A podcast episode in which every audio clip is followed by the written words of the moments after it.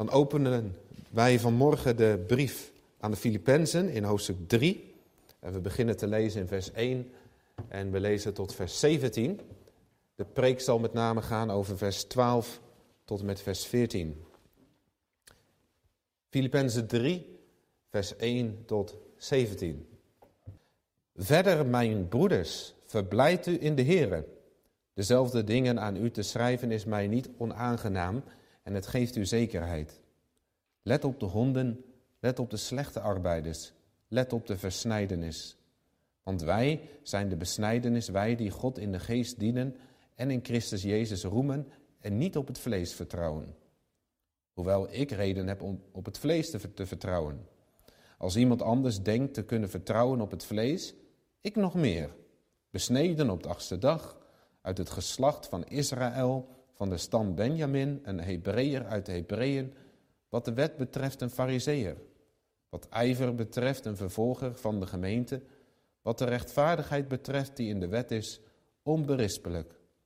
Maar wat voor mij winst was, dat heb ik om Christus wil als schade beschouwd. Ja, beslist. Ik beschouw ook alles als schade, vanwege de voortreffelijkheid van de kennis van Christus Jezus, mijn Heere, om wie ik dat alles als schade ervaren heb. En ik beschouw het als vuiligheid, opdat ik Christus mag gewinnen. En in hem gevonden wordt niet met een rechtvaardigheid die uit de wet is, maar die door het geloof in Christus is, namelijk de rechtvaardigheid uit God door middel van het geloof. Opdat ik Hem mag kennen en de kracht van Zijn opstanding en de gemeenschap met Zijn lijden, doordat ik aan Zijn dood gelijkvormig word, om hoe dan ook te komen tot de opstanding van de doden. Komt onze tekst. Niet dat ik het al verkregen heb of volmaakt ben, maar ik jaag ernaar om het ook te grijpen Daartoe ben ik ook door Christus Jezus gegrepen. Broeders, ik zelf denk niet dat ik het gegrepen heb. Maar één ding doe ik. Vergetend wat achter mij is, mij uitstrekkend naar wat voor mij is, naar wat voor is, jaag ik naar het doel, de prijs van de roeping van God, die van boven is in Christus Jezus. Laten wij dan, voor zover wij geestelijk volwassen zijn, deze gezindheid hebben. En als u iets anders gezind bent, ook dat zal God u openbaren. Maar tot zover wij gekomen zijn, laten wij naar dezelfde regel wandelen, laten wij eensgezind zijn. Wees met elkaar mijn navolgers, broeders, en houd het oog gericht op hen die zo wandelen, zoals u ons tot een voorbeeld hebt. Amen, dit is het woord van onze God. De tekst gaat met name om vers 12 tot en met 14, zoals ik zei. En vanmorgen ligt de nadruk met name ook dan op vers 14. Maar één ding doe ik, vergetend wat achter is, mij uitstrekkend naar wat voor is, jaag ik naar het doel, de prijs van de roeping van God die van boven is in Christus Jezus. Jongens en meisjes in de kerk, maar vooral ook thuis. Misschien is het je wel eens opgevallen dat in een kerkdienst niet iedereen zijn ogen open heeft. Nu kan dat dat sommige mensen zo luisteren. Sommige mensen vinden het fijner om met hun ogen dicht te luisteren, zodat ze het alleen via de oren binnenkomt. Maar soms kan het ook wel zijn dat er iemand in slaap valt. Meestal een vader, en dat is ook wel begrijpelijk, zeker als er vroeg wordt opgestaan en in de buitenlucht gewerkt is. Dan, uh, ik kom het regelmatig tegen, ik zie het wel eens vanaf de preekstoel. Maar de, de vraag die ik aan de gemeente wil stellen vanmorgen is, bent u vanmorgen wakker? En heb ik het niet zozeer of u ogen open heeft, uh, zeker na zo'n korte nacht waarschijnlijk, maar vooral de vraag, bent u geestelijk wakker? Want het is nog wel een probleem dat veel christenen slapend het nieuwe jaar ingaan. Geestelijk slapend. Nou, wat bedoel ik dan? Dat uit zich allereerst door een soort gearriveerdheid van ik ben er al. We zitten misschien gezellig op de bank of aan de tafel. We hebben de oliebollen achter onze kiezen. En we kijken naar ons leven en we zeggen: Het is goed zo. Ik heb eigenlijk geen doelen om naar te streven. En u vergeet dat uw hart in een veranderingsproces is. Het gaat toch alleen maar om geloven in Jezus en toch niet meer. Een tweede vorm is gemakzucht. Dat u zegt, ik slaap omdat ik toch wel een beetje van alles kan nemen. Een beetje van de kerk, een beetje Bijbel moet toch wel genoeg zijn. Is het echt nodig om een Bijbelleesrooster te nemen? Een Bijbeldagboekje is toch al voldoende? Als ik, als ik meeluister naar de preek, dat is toch voldoende? Het is toch niet nodig om per se ook misschien wel notities te maken, om mee te luisteren? Moet ik mij echt inzetten om in de preek te luisteren naar wat ik in mijn leven kan toepassen? En er kan in de derde plaats ook een gelatenheid zijn. Misschien wel denkt u wel als u zo het jaar begint en we zitten in de zoveelste uh, lockdown en we weten niet wat er allemaal gaat komen, dat u denkt het mooiste ligt eigenlijk wel achter mij in mijn leven. Het toekomstperspectief ontbreekt en u vraagt zich af of niet het beste van uw leven achter u ligt. En misschien heeft u dat juist wel als u merkt dat de krachten afnemen. Nu is het zo dat deze symptomen niet vreemd zijn voor de Filippenzenbrief. Sterker nog, Paulus zit zelf in een soort lockdown.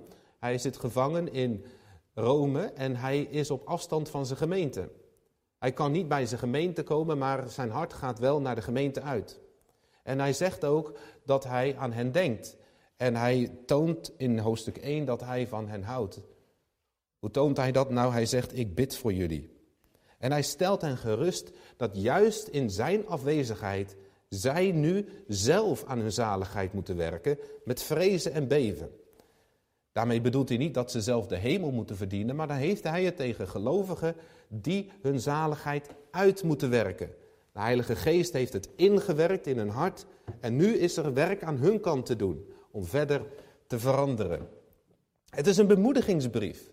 Hij zegt in vers 6, en dat hebben we ook aan het begin van de dienst gehoord, God laat niet varen, hij laat niet los wat zijn hand begon. Dat komt uit dat vers in hoofdstuk 1. Dat God zegt, ik zal het even erbij pakken. Ik vertrouw erop dat hij die in u een goed werk begonnen is, dat voltooien zal tot op de dag van Jezus Christus. Zo proef je dat Paulus wil bemoedigen, maar Paulus ziet ook gevaren in de gemeente. Er is oneenigheid over verschillende dingen. En daar komt ook een discussie door op gang. Daarom vind je in hoofdstuk 2 ook een uiteenzetting over de Heer Jezus, over zijn nederigheid. Dat hij niet omzag naar wat van hemzelf was. Hij, hij, hij hield niet vast aan zijn mooie plaats in de hemel, maar hij legde dat alles af. Hij nam de gedaante van een slaaf aan en hij kwam in deze wereld om de weg tot aan het kruis te gaan. Maar Zoals ik het al zei, Paulus wil de gemeente aansporen. Want als er nu een bedreiging is van binnenuit, van verdeeldheid, is er ook een bedreiging van buitenaf. Er zijn leraars die zijn in de gemeente gekomen, judaïsten, en in hoofdstuk 3 noemt hij ze honden. En dat is natuurlijk best wel een heftige term, want Paulus ziet deze mannen, deze leraars, als mensen die als het ware de christenen als schapen bij Jezus vandaan wil trekken. Wat doen ze namelijk? Ze richten de aandacht op zichzelf. Daarom zien wij in hoofdstuk 3 dat Paulus zegt, verblijd u in de Here, dat is wat hij verlangt. Dezelfde dingen aan u te schrijven is mij niet onaangenaam, het geeft u zekerheid. Deze mensen zijn gevaarlijk, de judaïsten, want zij willen dat de christenen hen na gaan volgen in plaats van de Heer Jezus. Nu is het thema vanochtend met de hulp van de Heer, één ding doe ik. En we gaan in de eerste plaats kijken naar de gedachten van ik ben er nog niet. Ik ben er nog niet. Nou, dat is een, een vreemde zin om het jaar mee te beginnen. Want wij denken juist in ons christelijk leven, zoals ik al zei, dat wij het jaar kunnen beginnen met een soort gearriveerdheid. Is het niet voldoende om alleen in God te geloven? Moet ik dan ook nog uh, moet ik dan ook nog iets doen? We zien dat Paulus ontevreden is in vers 12. Hij zegt zelf, ik ben er niet, en dat zegt hij twee keer. Laten we meelezen. Paulus zegt, broeders, of niet dat ik het al verkregen heb in vers 12, of ik al volmaakt ben. En dat is een opmerkelijke conclusie. Want in de voorgaande versen heeft Paulus teruggekeken op zijn leven en Paulus heeft altijd gedacht, ik ben er al. Wat dan? Ik ben op de achtste dag ben ik besneden, ik ben een fariseer, ik heb een onberispelijk leven. Alles aan de buitenkant klopt bij mij en ik vervolg zelfs de christenen. want hij zag, dat zagen de fariseeërs als een bedreiging, de christenen. Dus Paulus zegt, alles wat ik daar deed was een volmaaktheid in mijzelf. Paulus dacht, ik ben er al. Maar toen kwam de Heer Jezus in zijn leven. En jongens en meisjes, jullie weten het in Handelingen 9. Toen werd Paulus ineens gestopt. Het was Saulus toen nog. En de Heer Jezus zei, Saul, Saul, waarom vervolg je mij? En toen werd hij letterlijk gestopt. En hij zei, wie bent u, Heer, en wat wilt u dat ik zal doen? En op dat moment werd Paulus, werd Saulus en Paulus. Hij werd helemaal veranderd. Zijn zonden werden hem vergeven. Alles wat hij ervoor verkeerd had gedaan, maar ook in zijn hart vond er een grote verandering plaats, die niet zomaar direct aan de buitenkant te zien was. En daarom zegt Paulus ook, alles wat ik voorheen, al mijn eigen werken, al mijn eigen inspanning, is voor mij nu hetzelfde als vuilnis. Ik heb het allemaal in de prullenbak gegooid. Wat telt nu alleen voor mij nog? Dat is dat ik de Heer Jezus mag winnen. Nou, te vergelijken met anderen kan best dus gevaarlijk zijn. Ik herken dat ook wel en dat is zeker ook een gevaar op, uh, op Instagram en Facebook. Het zorgt ervoor dat veel jongeren depressief worden en neerslachtig. Want je ziet precies hoe mooi leven een andere persoon heeft. Zeker op het moment dat iemand een, een gezellig moment heeft met de familie, dan wordt dat gedeeld. Maar je deelt niet met elkaar je zonde. Je deelt niet je neerslachtigheid. Je deelt niet wat je te neerdrukt. En daarom kan dat ons omlaag brengen. Paulus zegt, dat moeten we niet meer doen. Maar, zegt hij, wees wel mijn navolger. Je kan jezelf wel vergelijken met mensen, maar vergelijk jezelf met mensen die dicht bij God leven. Wees mijn navolger, omdat ik Christus navolg. Maar Paulus zegt, let wel goed op. Ik ben niet beter dan jullie. Ik heb het niet verkregen en ik ben niet volmaakt. Nou, verkregen, dat gaat, dat gaat duidelijk over iets wat hij krijgt.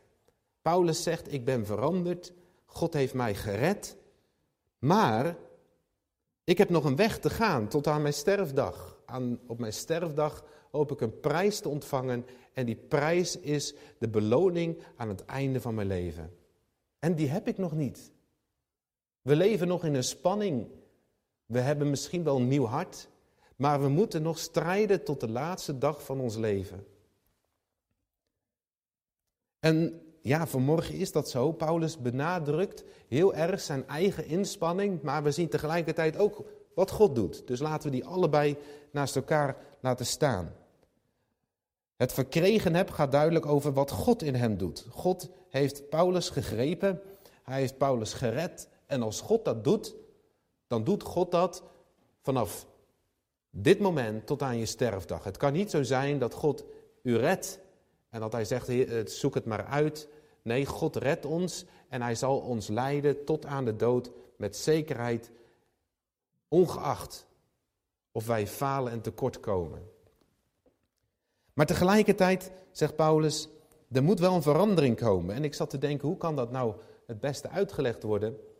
Nou jongens en meisjes, stel je voor dat de Heer Jezus, de Heer Jezus een cirkel is.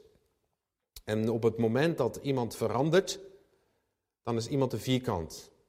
Maar de bedoeling is dat we steeds meer op de Heer Jezus gaan lijken. Dus hoe maak je van een vierkante cirkel? Dat betekent dat er heel veel geschaafd moet worden. De hoekjes moeten eraf.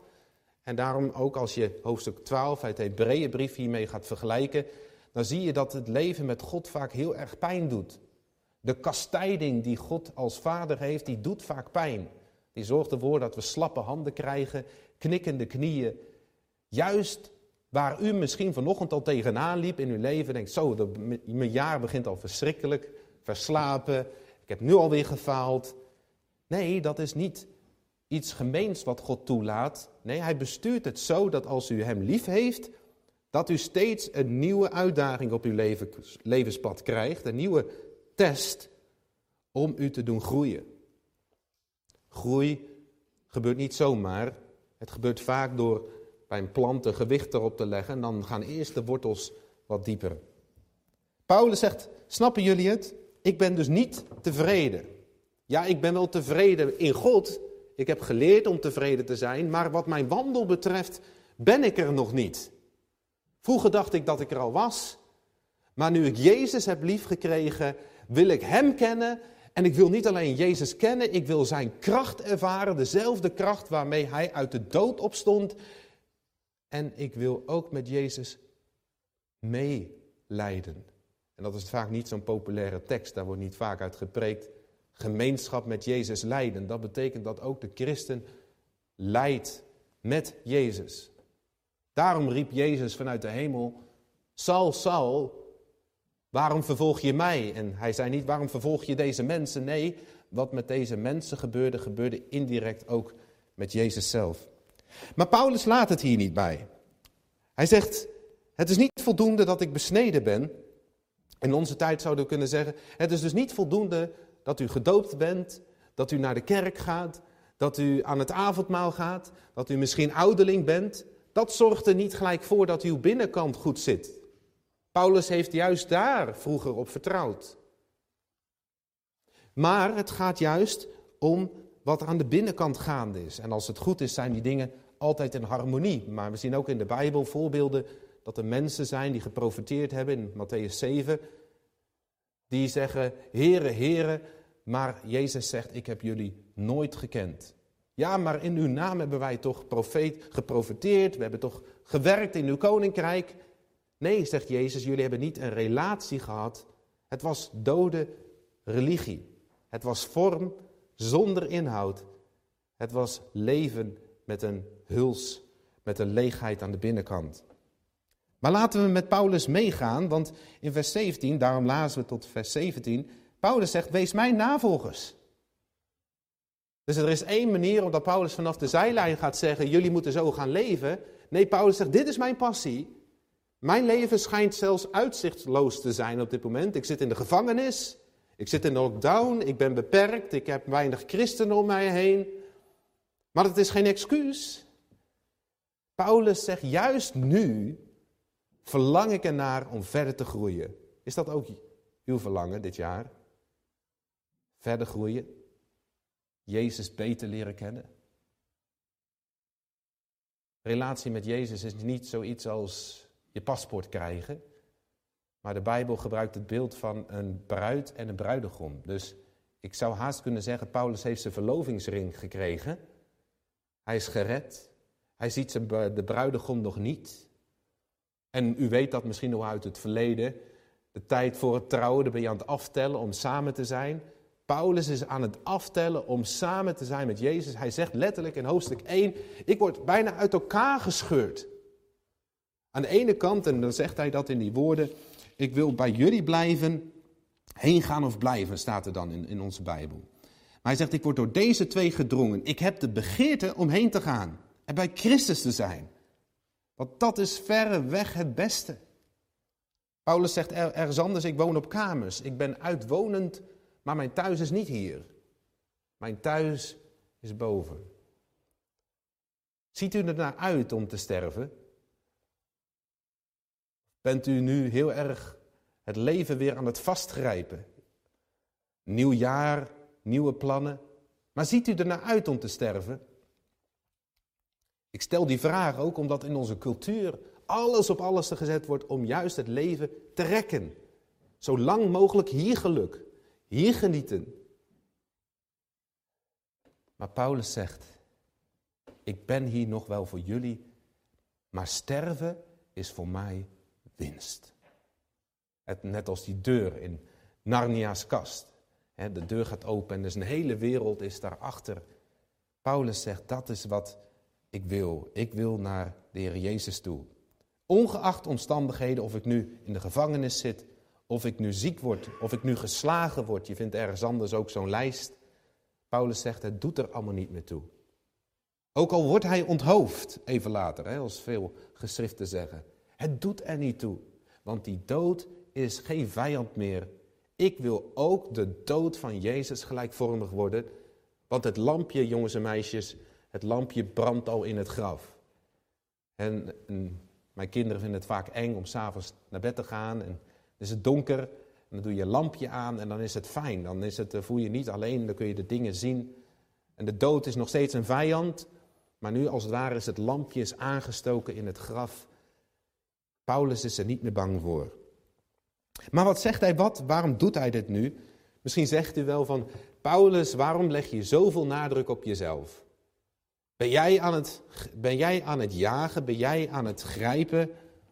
Heftige beelden, je wil je uiterlijk inspannen tot het uiterste, uiterste inspannen. Maar leg je niet te veel nadruk op jezelf. Nou, Paulus zegt, ik kan niet anders. Want wat er met mij gebeurd is, hij zegt, daartoe ben ik ook gegrepen door Jezus Christus. En dat is een mooi beeld. Het beeld doet mij heel erg denken aan Jona. Jona die zonk in het water en hij heeft een, een, gebed daarover geschreven. En in vers 6 van hoofdstuk 2 zegt hij, naar de diepste gronden van de bergen daalde ik af in de aarde. Haar grendels sloten zich voor eeuwig achter mij. Allemaal beeldspraak, maar dan staat er, uit het verderf trok u mijn leven omhoog, Heere, mijn God.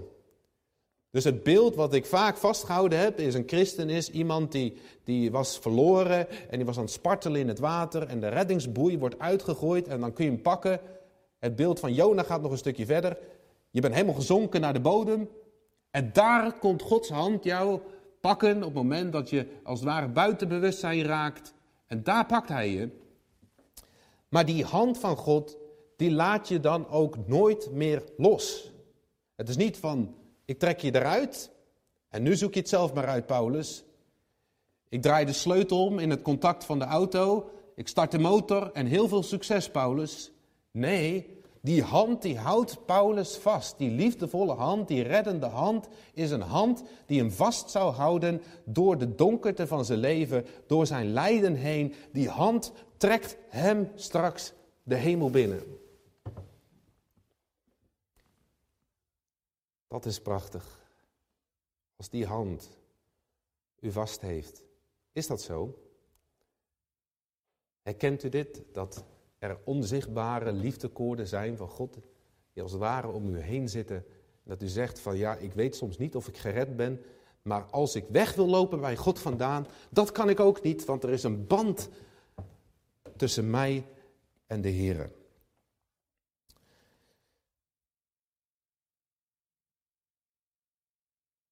Paulus zegt, ik ben er niet. Ik ben eigenlijk heilig ontevreden. Maar, zegt hij, zoals in de eerste plaats, ik ben er nog niet. Nu zegt hij in de tweede plaats, het mag mij wel alles kosten. Het mag mij alles kosten. Wat zegt hij? Broeders, ik zelf denk niet dat ik het gegrepen heb in vers 13. Maar één ding doe ik, vergetend wat achter mij is, uitstrekkend naar wat voor is, jaag ik naar het doel. Nu denkt u, hoe kom je erbij? Het mag mij alles kosten. Nou, het beeld hier is heel bijzonder. Paulus gaat nu opeens van het beeld van een reis die achter hem ligt, hij heeft gereflecteerd, gaat hij naar het stadion. En hij zegt, nu moet u voor zich zien een Grieks stadion. En in het stadion is een publiek, er is een rechter bij de finish en er is iemand die moet gaan rennen. En er is natuurlijk ook een prijs aan het einde. En er is een baan voor elke renner. Maar, let op, om deel te kunnen nemen aan zo'n race, aan zo'n wedstrijd, moest je eerst een inwoner zijn van het, eh, van het Romeinse Rijk. Je moest een burgerschap hebben. Dus het was niet zo dat Paulus nu opeens het beeld gaat gebruiken, want vroeger heeft hij gerend, hij heeft ook gejaagd in vers 6, eigen inspanning en dergelijke, maar hij zegt dat is allemaal waardeloos. Daarmee heb ik het niet gehaald en erger nog, ik heb er christenen mee vermoord. Maar zegt hij, omdat God mij gered heeft, ga ik rennen. Snapt u, dat karretje dat moet er achter de kar. God heeft mij gered, dans inspanning. Voorheen was het werken, nu is het ijver bij Paulus. Het is om die reden dat ik in, dat, in het gebed dat ook noemde, dat wij dat inzicht zouden krijgen in het verschil tussen ijver en werken. Want vaak kan het bij ons binnensluipen dat we zeggen, we zijn nu gered, ik ben er al, het hoeft mij ook niets meer te kosten, want Jezus heeft alles gedaan. Maar dat klopt niet, Want God wil, ja, Hij heeft ons gered, maar nu moeten wij ook gaan rennen. Niet in eigen kracht, maar in Zijn kracht. We moeten ons tot het uiterste inspannen om naar Gods wil te gaan leven, zodat ons hart, dat we steeds meer als het ware op die cirkel gaan lijken. Dat de hoekjes eraf gaan. Dat Jezus nog steeds meer zichtbaar gaat worden in ons hart en leven. Een hardloopwedstrijd. In vers 20 zegt hij ook, bevestigt hij dit ook. Hij zegt, mijn burgerschap is veranderd. Mijn burgerschap is nu niet meer hier, maar is in de hemel. Maar dan zegt hij, één ding doe ik. Eén ding. Het is heel eenvoudig. Als u een christen bent, een gelovige, dan heeft God geen tien stappenplan voor u, maar dan heeft hij één ding. Nou, het ene ding in de Bijbel, dat is altijd erg belangrijk. Bijvoorbeeld in Lucas 10. Martha, Martha, je bekommert je om veel dingen, maar één ding is nodig. Was het verkeerd dat ze aan het dienen was? Was het verkeerd dat ze, aan het, dat ze de, de, het, eh, de gebeurtenis aan het verzorgen was? Waarschijnlijk, hè, wij zouden denken ze stond de vaat te doen en Maria, waarom zit hij de hele tijd te kletsen? Nee, op dat moment was wat ze deed was niet het beste. Dus Martha had als het ware niet de vaardigheid om, om te beseffen wat nu in haar leven het belangrijkste was op dat moment. Martha, veel dingen leiden je af. Het gaat uiteindelijk om één ding. De liefde tot mij. Exclusieve toewijding aan Jezus. Op een andere plek komt er een rijke jongeling bij Jezus. En hij heeft als het ware, net als Paulus, alles goed gedaan. Maar het is nog steeds religie zonder die relatie. En Jezus zegt: ga heen, verkoop al wat je hebt. En je zal gezegend zijn. Maar die jongeling, hij kwam rennend, maar ging bedroefd weg en Jezus liet hem ook gaan. Waarschijnlijk om hem daarna pas voor het eerst weer te zien voor de troon van God op de oordeelsdag. Geld, het liefde voor geld, hield deze man weg van Jezus. Dus alles wat in uw leven belangrijker is dan Jezus, is een afgod die u bij hem vandaan houdt. Mijn vraag is, wat is uw eerste ding? Wat is het ene ding wat u najaagt in uw leven? En het is misschien even goed om naar vorig jaar te kijken. Waar heeft u voor geleefd? Waar leeft u voor?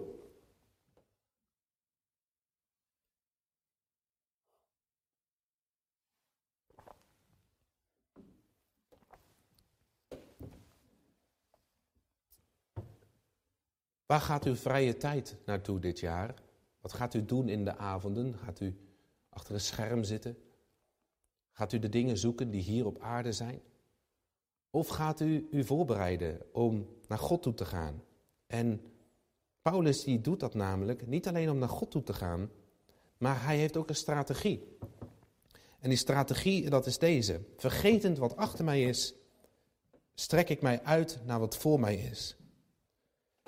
Paulus, hoe doe je het dan precies? Ik weet wel, je, je hebt nu het beeld van een renner. En, en, en die renner heeft een focus, hij heeft één ding. Dat is wel te begrijpen natuurlijk, want je moet naar die prijs toe, je moet naar de finish toe. Maar, maar hoe doe je het dan? Nou, Paulus zegt het is heel eenvoudig. Ik vergeet wat achter mij is en ik strek mij uit naar wat voor mij is. Nou, er zijn twee woorden voor vergeten. Vergeten is helemaal vergeten, zodat je het niet meer weet. Nou, dat wordt hier niet bedoeld. Hier wordt bedoeld nog wel weten, maar niet bewust in herinnering brengen. Dat is duidelijk een beeld hier van Paulus. Natuurlijk was Paulus wel terug aan het denken aan het verleden, aan de zegeningen die God hem gaf enzovoorts. Maar hij, hij hield niet meer krampachtig vast aan zijn carrière, aan zijn reputatie, aan wat andere mensen van hem denken. Dat was allemaal waardeloos voor hem geworden. Dat laat hij los. Hij was daarom compleet vrij, ook van kritiek. Als kritiek op hem afkwam, zei hij: Het maakt mij niet eens uit wat ik zelf van mezelf denk. Wat alleen nog maar telt is het vonnis aan het einde van de finis. Wat hij denkt van mij. En dat is natuurlijk wel te begrijpen, jongens en meisjes. Want het beeld is, Eigenlijk in de inleiding zei ik, iemand die slaapt, die heeft de ogen dicht en, die zit daar een beetje. En Paulus zegt het tegenovergestelde is, iemand die rent, die vergeet, die, die vergeet wat achter hem is. Hij kijkt niet achterom tijdens het rennen, maar hij kijkt naar voren. En dan doet hij ook nog eens een keer zichzelf uitstrekken. Dus naar uiterste inspanning. Dus die inspanning van het naar voren kijken, zichzelf uit te strekken, is tegelijkertijd ook de oplossing tegen terugkijken. Jezus zegt, denk aan de vrouw van Lot. Je ziet de worsteling bij Lots vrouw, als zij toch misschien wel een fijn leven hadden in Sodom. Ze hadden misschien een gezellig huisje, boompje, beestje. En dan komt het oordeel van God. Dan haalt die engel hen weg. En wat gebeurt er? Lot loopt wel mee, misschien wel met zijn benen, maar in zijn hart is hij aan het worstelen. En zijn vrouw die draait zich om, want haar hart is nog in de stad en ze wordt een zoutpilaar. Verschrikkelijk. Verschrikkelijk als het leven hier ons zo vast in de greep neemt. Ik zat er eigenlijk over na te denken, jongens en meisjes, om vanochtend een touw mee te nemen, om dit nog meer te onderstrepen. Dat voorbeeld kennen jullie waarschijnlijk al, maar het is goed om hier er ook bij te halen. Stel je voor dat ik een touw heb en een stukje van het touw, dat is je leven. En een heel klein stukje is 2022. Maar het langste stuk van het touw, dat is misschien zo, zo breed en dat gaat nog veel verder, dat is de eeuwigheid. Dan snap je wel dat Paulus opeens zegt van ik ga niet leven voor het hier en nu. Want elke prijs die je hier op aarde krijgt, heeft maar waarde voor heel kort. Max Verstappen heeft gewonnen en dat zal, maar even, zal dat nog even in onze oren door blijven gaan. Maar weten wij nog steeds wie er in 1980 Olympisch kampioen was? Of, dat vergeten we allemaal. Al die prijzen die komen in de kast terecht en hebben geen waarde meer in de eeuwigheid. Soms hebben mensen een hele leven getraind voor dat, zonder Jezus te kennen. Dan staat, het, dan staat de ladder als het ware tegen die muur. En hebben ze heel de tijd geklimd, terwijl ze de muur van de Heer als het ware, ja, daar is, daar is geen één stap op gezet. Er staat de vraag, stel dat Paulus hier rechts in de kerk staat, aan die kant, en we zien hem staan naar voren, en Lot als zoutpilaar aan de andere kant. Waar gaat u dan vanochtend zelf staan? Als u zegt, als ik heel eerlijk ben, dan ga ik nu staan op een plek wat waar, waar ik eigenlijk hoor, hoe God mij ziet. Staat u dan vlak achter Paulus? Staat u in het midden probeert u een beetje van allebei te doen, hè, zoals ik zei in de inleiding. Die gemakzucht, een beetje van alles. Het moet mij toch niet veel kosten? Of bent u eigenlijk niet gered, heeft u nooit in uw hart iets liefde van Jezus gevoeld en komt vanochtend het woord tot u. Wat doet u?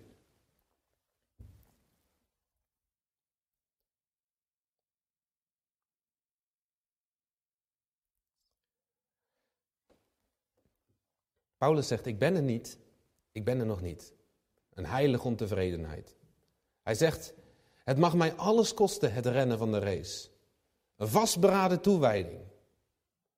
Aan de derde plaats zegt hij, het mooiste komt nog, want er is een glorieuze finish. Waarom is Paulus zich zo aan het uitstrekken? Nou, u weet het al. Hij wil naar Jezus toe. Sterven voor hem is niet de hemel binnenkomen, opnieuw voor zichzelf te gaan leven. Maar sterven is bij Jezus zijn. Want Jezus heeft het wel alles gekost. Onze, onze zaligmaker kwam in de wereld, en we hebben het vorige week gehoord, er was geen plek in de herberg. Wat een verschrikkelijke weg. Hebreeën 12 zegt, hij heeft schande gedragen of het kruis gedragen, schande gekregen, veracht geweest. En hoofdstuk 2 hier zegt, hij is gehoorzaam geweest tot in de dood. Daarom heeft de vader hem natuurlijk zo omhoog geplaatst. Er is niemand die zo diep is gegaan als Jezus. Het kost hem alles. Niet alleen de naaktheid aan het kruis, niet alleen de spijkers door zijn handen, maar weet je wat het ergste is? Al die schapen die alle kanten op rennen, hebben straf verdiend. En die straf die moet betaald worden. En wat gebeurt er? De vader die altijd met Jezus in intiem contact is geweest. Altijd een liefdevolle relatie. Wat doet de vader? Hij draait zich om. Het wordt donker op aarde. En hij komt met een beker. En die beker is vol met de toorn van God. En hij giet die toren giet hij op zijn zoon. Verschrikkelijk beeld. Helse pijn. We kunnen dat niet beschrijven. Ik kan dat niet uitleggen. Vernietigd. Verbrijzeld. Kapot gemaakt. Denk maar aan Abraham. Hij, hij kwam een beetje in de richting. Hè? Het mes ging omhoog. Isaac, eindelijk was die zoon gekomen. De zoon van de belofte. En wat gebeurt er? Abraham die denkt, nou dan doe ik het maar. Want Abraham geloofde, zegt de Hebreeënbrief. Ook al gaat zijn hoofd eraf, ook al, mijn God zal hem weer levend maken. Hij zei tegen de knecht, we komen straks terug en dan zullen we aanbidden. Abraham had het vertrouwen, ook al is dit absurd. God zal hem weer uit de dood opwekken. Maar God zegt, nee Abraham, nee. Niet, niet jouw zoon, niet jouw zoon. Adam, op de dag dat je zou eten van die vrucht, zal je gelijk sterven. Maar Adam, nee hoor, ik heb een, hier heb je klederen. Er wordt een dier geslacht, het eerste dier. Iemand moet sterven in plaats van Adam. En Gods toren als een tornado gaat terug naar zichzelf. En zijn eigen zoon is aan de beurt. Het kost hem alles. Verbrijzeld. En dan vraag ik mij af, waarom heb ik zoveel moeite om mijn Bijbel te lezen? Waarom kost een paar hoofdstukken per dag mij zoveel moeite? Jezus ging tot in de dood. Soms zien we wel eens een filmpje van iemand die, die zijn leven op het spel zet. En dan zie je een, brandweerman die, nog, die trekt nog snel even een mevrouw uit de auto met gevaar voor zijn eigen leven. En wat een dankbaarheid van de familie komt er dan naar die man toe. Maar nu Jezus zijn leven neerlegde, letterlijk de dood inging voor u, wat mag het geloof u dan kosten? Welke tijd mag God van u hebben dit jaar? Welke plek krijgt Hij in uw gezin aan uw tafel? Zal u niet opnieuw Hem zoeken met nieuwe ijver en zeggen, Heere, we hebben het laten versloffen. We hebben als man en vrouw wel gebeden in de eerste paar dagen van ons huwelijk, maar we hebben het nu niet meer, niet meer gedaan. We mompelen stilletjes wat weg. We gaan het weer doen, heren, samen. Samen gaan we rennen. Dat is het beeld van de Hebreeënbrief. Want hoofdstuk 11 heeft die enorme tribune van getuigen. Die roepen ons allemaal toe. Hou vol, hou vol. Want wij hebben ook een hand op ons gehad. God heeft ook ons gegrepen. En we moesten wel rennen. Want ik zei, wat, wat wonder, wat, wat mij steeds meer gaat raken is dit. Ik heb soms wel eens gedacht, God doet de sleutel om en wij zijn als die motor die moet gaan rijden. Dat klopt niet. Het is niet eerst God en dan ik. Het is ook niet God en ik samen. Dat is het ook niet. Een beetje van mij en een beetje van God. Wat het wonder is, is God in mij. Paulus zegt, natuurlijk kan ik niks. Natuurlijk kan ik niet rennen. Maar God, zijn kracht is in mijn hart. Dus Paulus is helemaal niet alleen. Gods kracht woont in zijn hart. Ik kan alle dingen, ik vermag alle dingen door God die mij kracht geeft. U kent dat lied wel, hè? Paulus zegt, ik kan alles. Dat is niet arrogant. Nee, hij kan dat omdat God in mij is. Nou, we snappen wel dat Paulus tot zijn uiterste gaat rennen. Maar het doel dat doel is dus bij de finis, bij de Heer Jezus zijn, maar er is ook een doel nu.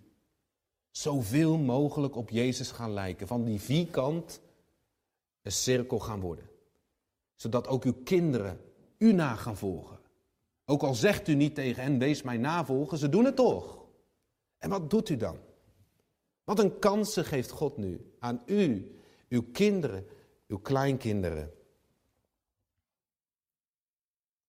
Wat een eeuwig feest om bij Christus te zijn. Geen corona meer, Geen dood meer. Geen moedeloosheid meer. Geen frustratie meer in het bedrijf. Geen gevecht meer om rond te komen.